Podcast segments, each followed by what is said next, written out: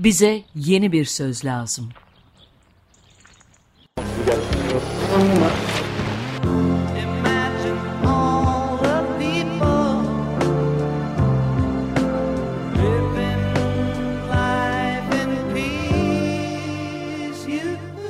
Bekir Ağırdır'la yeni bir yol haritası denemesi.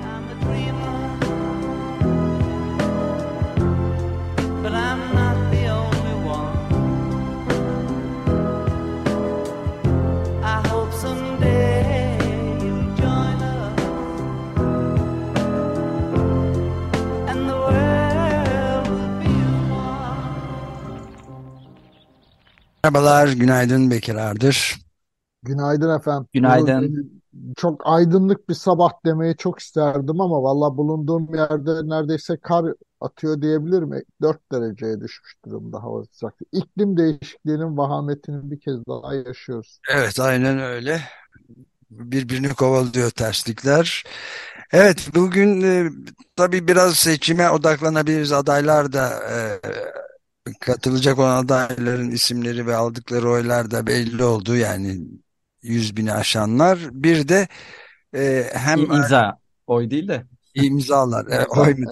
İmzalar, evet yanlış söyledim. Bir Ali Bilge ile de azıcık konuştuk. E, Bugün Fehmi Koru da yazmış e, Yetkin Report sitesinde yayımlanan yazısıyla da Naci Koru'nun dikkat çektiği bu ittifakın yeni seçim sistemiyle ittifakların zorlaştırılmak durumunda. Yani ittifak yapan partiler içi geç, geçiş vaziyetleri.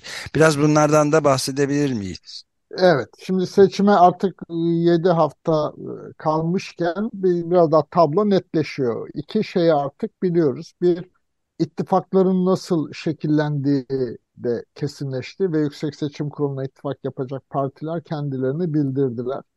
Millet İttifakı'nı biliyorduk. Altı parti kapsam alanını genişletir mi? Başka partiler de dahil olur mu? Ki böyle fırsat vardı. Bunu yapabilirlerdi ama sonuç olarak o altı partide kaldı. Ama Cumhur İttifakı ile ilgili ilginç bir gelişme oldu.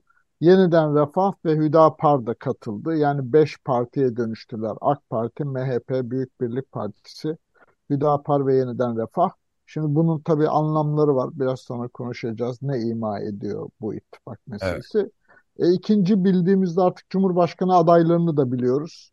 Partilerin aday gösterdiği Erdoğan ve Kılıçdaroğlu yanı sıra sizin de söylediğiniz gibi yüzer bin e, imza ile e, Sinan Ogan ve Muharrem İnce de aday olmuş durumda. Dolayısıyla dört adaylı bir seçim ee, Üç ana ittifakın yani Cumhur İttifakı, Millet İttifakı, Emek ve Özgürlük İttifakı şeklinde üç ana ittifakın ve dışarıda kalan aslında dışarıda kalan derken de iki Cumhurbaşkanı adayına da bağlı olarak Memleket Partisi ve e, Zafer Partisi'nin e, öncülük ettiği diğer e, partilerin kaldığı bir seçim tablosu artık önümüzde belirginleşti ne belirgin değil. Şimdi artık aday listelerini yani milletvekili aday listelerini ve o listelerdeki ayrı alt küçük gruplar ya da bağımsız girişler mi olacak yoksa her üç ana ittifak tek bir liste şeklinde mi toplanacak sorusu henüz net değil.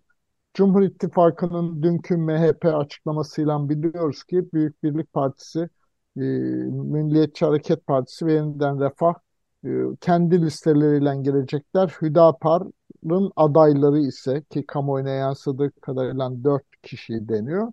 AK Parti listelerinde olacak. Ama Millet İttifakı'nın kombinasyonunun nasıl oluşacağını henüz bilmiyoruz. Ee, onu da göreceğiz önümüzdeki günlerde.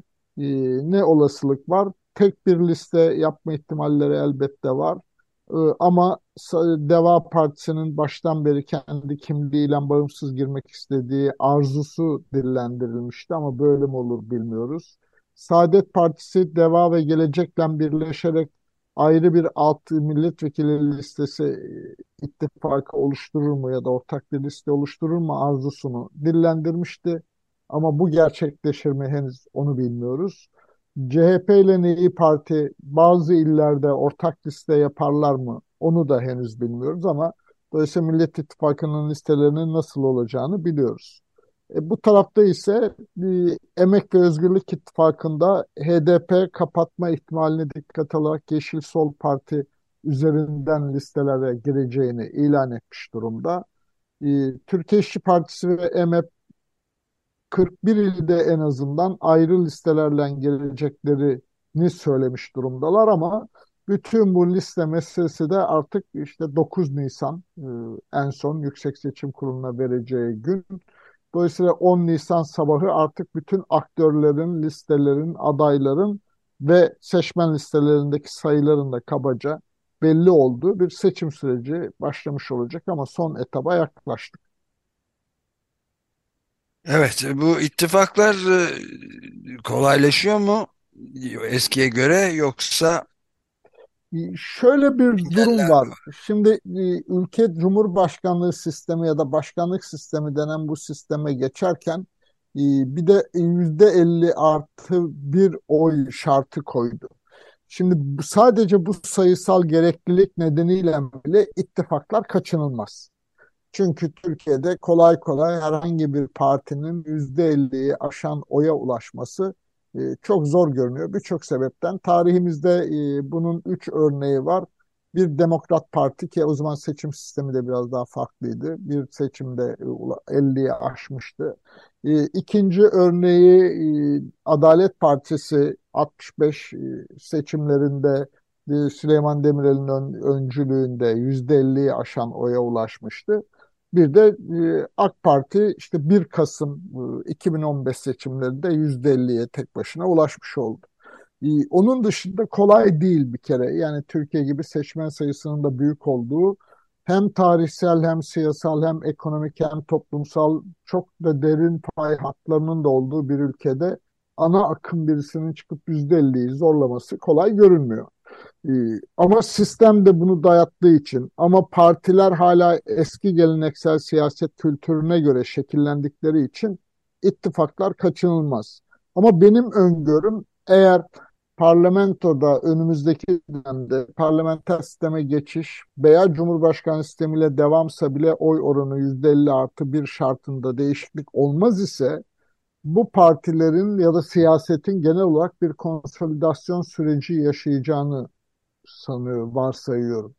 Yani 2002'de de böyle başlamıştık. Ee, O yaşanan e, problemler yumağı dolu 90'lı yıllardan sonra. Ama sonra giderek AK Parti konsolide etti ve Cumhuriyet Halk Partisi de bu tarafta konsolide etti. Sonuçta artık e, neredeyse dört partili yani AK Parti, CHP, MHP ve HDP ya da öncüsü BDP'nin olduğu dört ana akıma bölünmüştü kabaca ve bir konsolidasyon yaşanmıştı. Fakat o 2011-2015 seçimlerindeki o konsolidasyon bir yandan da Türkiye hala hani başkanlık sistemiyle çözmeye arzuladığı meseleler olsa da farklı sınıfsal ve kültürel kümelerin çok güçlü biçimde ve hala kadim birçok problemin de sürüyor olması, o problemlerden ya da kimliklerden neşet eden, vücut bulan partilerin farklı siyasi akımların da diri olması nedeniyle bu seçimlere doğru yeniden bir dağılma, birçok partinin vücut bulduğu bir hale dönüştü iş. Hatta size ilginç bir şey söyleyeyim. Son 3 yılda bile 2020'den sonra bile kurulan parti sayısı 30'dan fazla. Yani Türkiye'de bugün seçime girebilir 36 parti ilan etmiş olsa da Yüksek Seçim Kurulu kağıt üzerinde tabelası olan 127 parti var örneğin. Bu arayışın bir sebebi var. Yani yeni parti kuralım duygusunu uyandıran e, somut nedenler var. Ama seçim sistemi de bu nedenleri baskılıyor sonuçta. O nedenle eğer parlamenter sisteme devam edecekse siyasette bir konsolidasyon yaşanması ve bu partilerin bir kısmının ana akım partilere yeniden eklemlenmesi beklenebilir. Evet yani peki burada e, yani seçim kanununda geçen yıl 2022'de e, yapılan değişiklikle bu yılki seçimde ittifakların en önemli işlevi sadece hangi amaca hizmet ettiği belirsiz olan %7 seçim barajının aşılmasını sağlamakla sınırlı olacak Evet, bir şey yazmış evet, Naci Koru. doğru. Bunun dışında oyların dağılımında ittifakların partilere yararı olmayacak diyor. Olmayacak. da Yani şey. çünkü son ittifak yasası ya da ittifaklara imkan tanıyan e, seçim yasasındaki düzenlemelerde e, ittifakın toplam oyları üzerinden milletvekili hesaplaması yapılıyordu. Ve o matematik formülasyon e, siyasetteki sonucu o formülasyonun ya da pratikteki uygulamanın karşılığı muhalefetteki o çünkü muhalefette de AK Parti gibi hala güçlü bir parti yok. Sonuçta işte CHP, İyi Parti gibi en azından iki ana akım var denebilir. Diğer küçüklerin yanı sıra. Dolayısıyla ittifakın e, toplam oyu üzerinden milletvekili hesabı e, bir simülasyona göre 20'ye yakın milletvekilini e, muhalefet blokunun kazanması imkanını sağlamıştı. Ve AK Parti de bu hesabı yaptığı için seçim yasasında bir değişiklik yaptı ve mesele kendi lehine nasıl çevrilebilir diye bir mühendislik hesaplamalarıyla bu dürtülerle çalışıldığı için e, artık oylar ittifak oyu yalnızca barajı geçmek için gerekli ama milletvekili dağılımında her partinin kendi oy oranları her ilde ayrı ayrı dikkat alınacak ve hesaplanacak. E, bu tabii ne oluyor? Şimdi bunun ürettiği bir matematik ve o matematikten beslenen bir siyaset tarzı gelişiyor. Ee, bir yandan partiler eğer tek bir liste halinde girerlerse ittifak oluşturan partiler e, belki lehlerine bir durum var. Çünkü o küçük gibi görünen diyelim Büyük bir Partisi'nin belki 300 bin oyu ya da Hüdapar'ın 150 bin oyu e, Cumhur İttifakı için anlam ifade ettiği bir veya birkaçtan fazla milletvekili kazanma imkanı olan il tablosu önümüze çıkabilir. Ya da bu tarafta Millet İttifakı'nda Saadet Partisi, DEVA ve Geleceğin alacakları yüzde birler ya da ikiler mertebesindeki oylar milletvekili kazanımlarını sağlayabilirdi. Ama bir yandan da siyasetin kendi dinamikleri, kendi çekişmeleri, kendi kişisel egoları, itirazları, hayalleri, iddiaları gibi de başka meseleler var. O yüzden de her şeyi aynı liste içine, aynı ittifakın içine yüklemek pratik olarak kolay olmuyor her şeyden önce. E, hele 6 parti, 5 parti bir araya gelip hangi listenin kaçıncı sırasında hangi kimin adayı olacak meselesi e, çok büyük çekişme konusu oluyor doğal olarak. Siyasetin kendi iş dinamiklerinin de baskılamasıyla bu bütün bu pazarlıklar ya da ayrışmalar e, yaşanıyor kaçınılmaz biçimde. Ama bu seçimde dolayısıyla hem muhalefetin tek bir liste içinde buluşamıyor ve ayrı listelerin söz konusu olması nedeniyle olası milletvekili kazanımından bir miktar eksilme beklenebilir. Ama o beklenti Cumhur İttifakı için de geçerli. Özellikle MHP'nin kendisi ayrı listelerle gireceğini ilan ettiği için dün böyle gerçekleşirse muhtemelen metropollerde özellikle 11 büyük metropolde MHP oyları çok düşük. O çünkü MHP ile İyi Parti seçmeni arasındaki ana fark metropollerdeki milliyetçilerin e, öncelikli tercihin İyi Parti geleneksel yaşamın baskın olduğu muhafazakar dünyanın iç içe yaşanılan e, Anadolu kentlerinde diğer kentlerde ise MHP önceliği var. Dolayısıyla ama İstanbul'da MHP'nin alacağı örneğin belki 60 bin oy ya da 160 bin oy Cumhur İttifakı'nın kazanacağı milletvekili sayısında eksilmeye yol açabilir. Bu tarafta ise DEVA veya Saadet Partisi'nin kendi listeleriyle girecek olmaları hem metropollerde hem geleneksel e, kentlerde de Millet İttifakı'nın potansiyel milletvekili sayısını azaltıcı etki üretebilir. E, Devlet Bahçeli de zaten ayrı kendisi ayrı gireceğine dün açıkladı değil mi? Onu söylüyorsun. Evet dün dün ayrı liste yapacağını açıkladı. Her ne kadar Büyük Birlik Partisi ve Yeniden Refah kendi listesiyle girdiğine göre biz de öyle gireceğiz gibi bir gerekçe açıklamış olsa da ben e, hani bu yayının en başında söylediğim Cumhur İttifakı'nın yeni kombinasyonu ya da geçen hafta yeniden Refah ve Hüdapar'la eklemlenme, yeni e, genişleme çabasının orada yani iktidarı Bugün aksaklıklar bizi peşimizi bırakmıyor ee, Bekir bir, bir kez daha özür dileyerek hem dinleyicilerden hem de senden yani bu oyu değişmeyen 824 ilçeye dikkat yazısında belirttiğin e, kutuplaşmanın küme sayımı dediğin şeyi, tablonun nasıl değişeceği önemli dediğin şeyi bir kez daha e, izah eder misin Şimdi lütfen? eğer eğer bu ilçelerde e, seçmen davranışlarında, seçmen tercihlerinde yine muhtemel ki 600-700 civarındaki ilçede ana örüntü değişmeyecek. Yani yine e, AK Parti birinci parti ise yine AK Parti birinci parti olacak. Cumhuriyet Halk Partisi birinci ise Cumhuriyet Halk Partisi birinci olacak. Ya da HDP birinci ise HDP birinci olacak. Ama özellikle AK Parti'nin olduğu coğrafyalarda e, iktidarın işte ekonomik tufanın etkisi, hayat pahalılığı, işsizliğin etkisi, bu depremdeki ayrım, ayyuğa çıkan e, ayrımcı söylem, partizanlık, keyfilik gibi bir sürü nedenle iktidar özellikle kendi hakim olduğu ilçelerde ciddi bir oy kaybına e, uğrayacak. Ama şunu biliyoruz henüz seçmenin bulunduğu kendi kutbuna, kendi kimliğini temsil ettiğini düşündüğü partiye olan aşk ve sadakati artık eskisi gibi değil, çözülmüş durumda ya da gevşemiş durumda. Şu eleştirel pozisyon artmış durumda. Bu bütün partiler için geçerli, sadece AK Parti için de değil. Onun için seçimlerden sonra beklenen bu partilerde de kendi iş dinamikleriyle değişim yaşanıp yaşanmayacağı mesela sorusunun cevabı.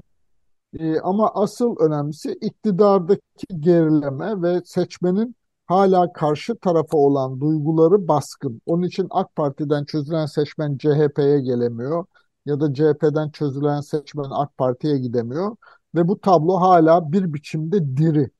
Ee, o nedenle muhalefetin yapacakları, muhalefetin söylemleri seçmeni bu kimliklerden mi yine düşündürmeye yol açacak ya da farklı bir dürtü ve motivasyon üretecek mi? Çünkü iktidarın söyleminin bu kimliklerden beslendiğini, bu kimlikleri ve bu kutuplaşmayı yaşatarak var olmaya devam ettiğini görüyoruz birincisi. İkincisi daha önemli bir şey var. Artık AK Parti 2018'deki oyunun üzerine yeni bir oy ekleyemiyor. Aslında 2018'deki oyundaki kayıpları toparlamaya ya da yeniden kendi seçmenini konsolide etmeye yani o seçmeni yeniden bir kez daha rasyonel aklıyla hayat pahalılığı, işsizlik gibi gerçek dertlerle düşünmesine değil, kimliğinden düşünmesini sağlamaya ve bunu motive etmeye çalışıyor. Söylemleri ve politikaları da bunu güçlendirmeye dönük. Dolayısıyla burada hikaye bir bakıma Erdoğan-Kılıçdaroğlu yarışması gibi görünen seçim aynı zamanda kimlikleri aşacak bir yerden seçmeni düşündürtecek mi? Düşündürtmeyi başaracaklar mı, başaramayacaklar mı sorusuna da cevap olacak.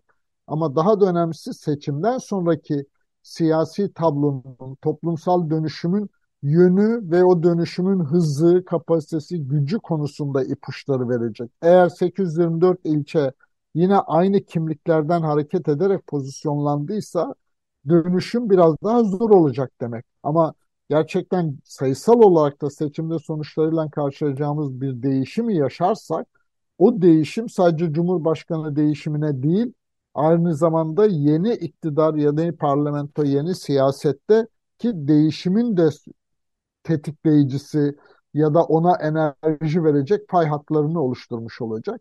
O nedenle seçimin sonucu sadece Cumhurbaşkanlığı seçimindeki sayılardan ibaret değil heyecanla en azından ben e, ilçe bazındaki oy dağılımlarını bekliyorum. Evet bu konuda yani defalarca konuştuğumuz ve senin de yazdığın gibi aslında e, önemli bazı şeyler de eklendi. Yani ekonomik bunalım, buhran ve çok açığa çıkan özellikle depremle beraber başta Kızılay olmak üzere konuşulan çok sayıda e, yolsuzluk meseleleri ve yalnız e, şey dediği Kızılay gibi örgütlerde değil aynı zamanda inşaat sektöründeki tercihlerle ilgili ciddi yolsuzluklarla bu tablonun değişebileceği de söz konusu olabilir. Zaten sürekli olarak senin de ifade ettiğin gibi e, mesele aslında yeni geleceğin nasıl inşa edileceği meselesinde de odaklanıyor. Yoksa bir partinin kaybedip bir partinin kazanmasının çok evet, ötesinde aynen. bir ölümcül bir seçim artık Ve önemli var. bir şey daha biliyoruz bu programa hani e, adaylar, ittifaklar belli oldu diye başladık. Yine şunu da söylemek mümkün. Ee, özellikle deprem ve özellikle de bu kadın meselesi etrafında Hüdapar'ın dahliyle e, yaşanan tartışma Gençlerin hani e, bunu izleyicilerimiz sizler de hatırlayacaksınız. Ben e, bu seçim sonucunu belirleyecek ana dinamiklerden birisinin katılım oranı olacağını söylüyordum hep. Çünkü gençlerin siyasi aktörlere, ülkenin geleceğine ve siyaset marifetiyle var olan sorunların çözüleceğine olan inançları çok düşük. Tepkisel bir pozisyonları var ve seçime katılma oranı, gençlerin arasındaki seçime katılma oranı sonuçları etkileyecek diyordum. Şimdi şunu söylemek mümkündür. Bütün bu son bir ayın gelişmeleri ve depremle başlayan, Kızılay'la devam eden, şimdi kadın meselesiyle devam eden bu gelişmeler gençlerin seçime katılma meselesini hallettiğini sanıyorum. Yani artık gençler motive olmuş durumdalar. Kendi kimliklerinden, kendi hayatlarına dair umutlarından ya da öfkelerinden beslenerek seçime katılma meselesinde e, en azından o kuşku ya da soru işareti ortadan kalktı diye düşünüyorum. Ee, önümüzdeki seçimlerde çok muhtemel ki %85 katılım e, mertebesinde hatta belki de onu bile aşan bir katılım gerçekleşecek. Yani e, bu arada belli olan şeylerden birisi de oydu. Ee, Yüksek Seçim Kurulu 60 milyon 900 bin civarında seçmenimiz olduğunu ilan etti. Şimdi seçmen listelerindeki güncellemeler ve e, askı ve itiraz güncellemelerden sonra kesin sayılar belli olacak ama yurt dışı seçmenleri de dikkate alırsak 64 milyon mertebesinde seçmen oy kullanacak. %85 katılımla baktığımız zaman da kabaca 54 milyon geçerli oy üzerinden bir seçim yaşanacak görünüyor artık. Bu demektir ki 27 milyonu aşan Cumhurbaşkanı adayı Cumhurbaşkanlığını kazanacak. Bu da yine bu seçim sürecinde biraz daha belirginleşmiş şeylerden birisi.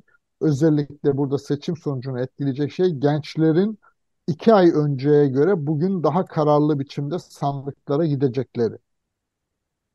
Evet, bu da bütün dünyaya e, sık sık da üzerinde durma fırsatı bulduğumuz gibi bütün dünyaya yeni bir e, ifade biçimi sunabilmenin, bir model e, sunabilmenin de bir yolu olabilir diye de düşünebiliriz. Evet, aynen, aynen. Peki çok teşekkür ederiz. Bu e, İyi şeyler, yayınlar efendim. aksaklıklardan dolayı da özür dileyerek e, Aman estağfurullah. çok teşekkür ederim. Görüşmek Aydın üzere. dileğiyle. Görüşmek üzere.